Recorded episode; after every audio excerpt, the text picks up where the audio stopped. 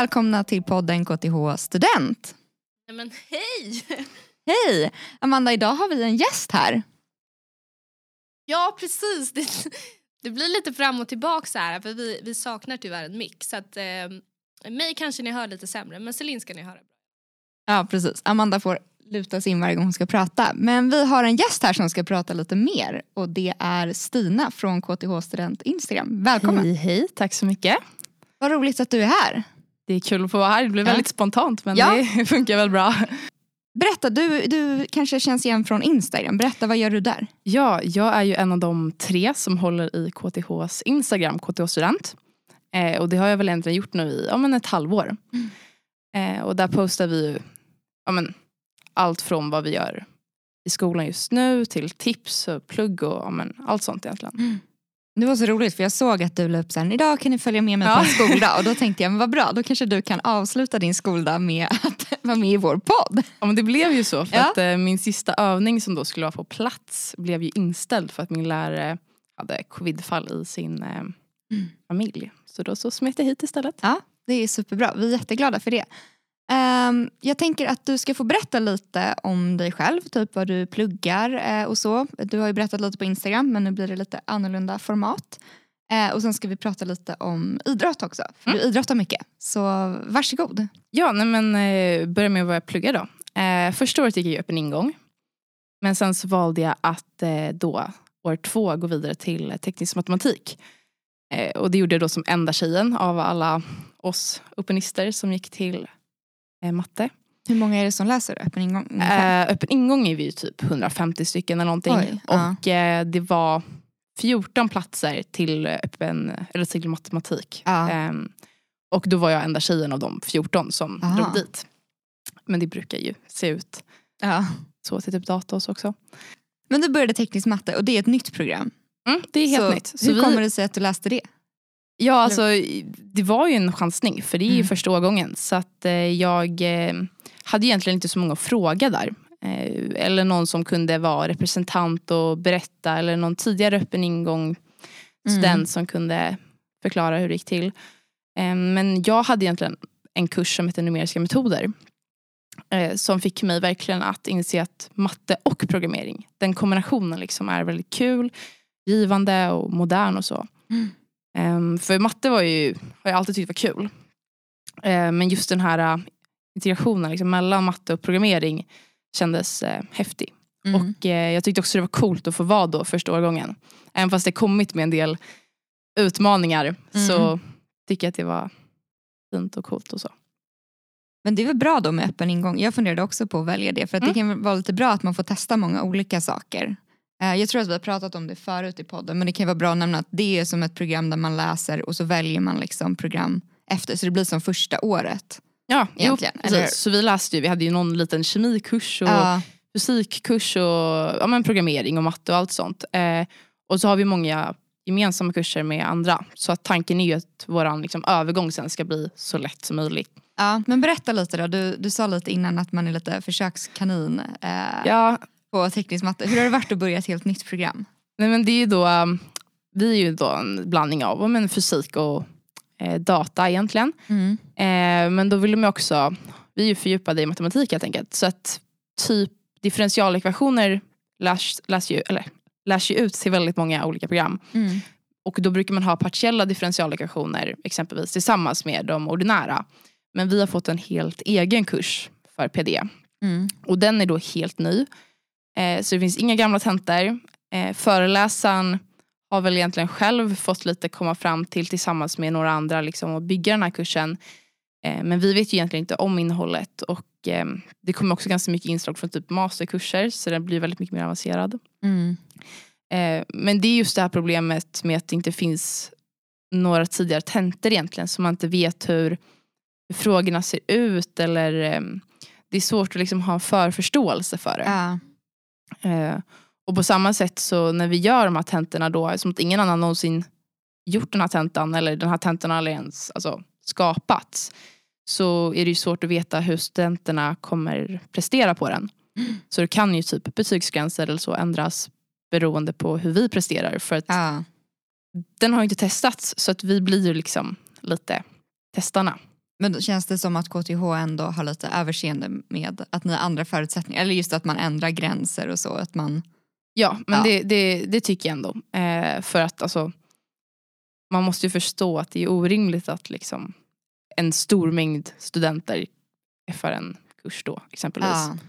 Ehm, så då får man väl förstå att ja, det kanske var en orimlig gräns. Ja, men jag, jag, jag, det kanske är lite så att både ni har förståelse för dem att det här Mm. är helt nytt för lärarna och de försöker sätta Mm. ihop det så gott som möjligt. Och att de har förståelse för er att det här blev kanske inte så bra, vi gör så här till nästa år. Mm. Och eh, som du sa förut, nu är ju din klass liksom tagit lite smällen så börjar man nästa år eller året efter det så blir det ju säkert bättre. Ja. Ja. Och då tänker jag också att eh, då har ju de oss att fråga. Då har ju de någon som har erfarenhet också som man kan vända sig till. Liksom. Ehm, för det är oftast en skön sak att man kan fråga tidigare årgångar om hjälp och att det Mm. finns personer som kan ämnet bra. Liksom. Det måste vara rätt kul att börja nästa år för ni kommer ju vara så taggade Ja. på att nya ska joina er i, på den här Ja, eh, utbildningen. Stolta lite över liksom, alla kurser vi gått att vi lärt oss det och Exakt, ni klarat gjorde det, först. Ja. Det går, det funkar. Ja, vi tillhör ju fysiksektionen nu liksom, Ja. för vi är för få. Men eh, några år kanske när vi blivit några. Ja, det är ett program som ligger rätt i tiden så ni Mm. kommer bara växa. Ja men som sagt matematik och eh, data, jag tycker att det är en modern och bra Ja. Mycket bra. program. Till någonting eh, helt annat. Mm. Du har ju lagt upp en del på Instagram att du tränar mycket friidrott. Mm. Och eh, det är någonting man kan göra till, kombinerat lite med skolan eller på ett lättare sätt. Kan du berätta lite om det? Ja absolut. Eh, jag tror att det är väldigt många som tränar kombinerat som sagt med sina studier och sen gör man ju det såklart på olika nivåer. Men om man då elitsatsar har man möjlighet att söka till RIU för KTH är ett riksidrottsuniversitet. Eh, och det betyder lite olika saker beroende på vart, alltså Stockholm eller om det är Linköping eller Mm. vart man befinner sig.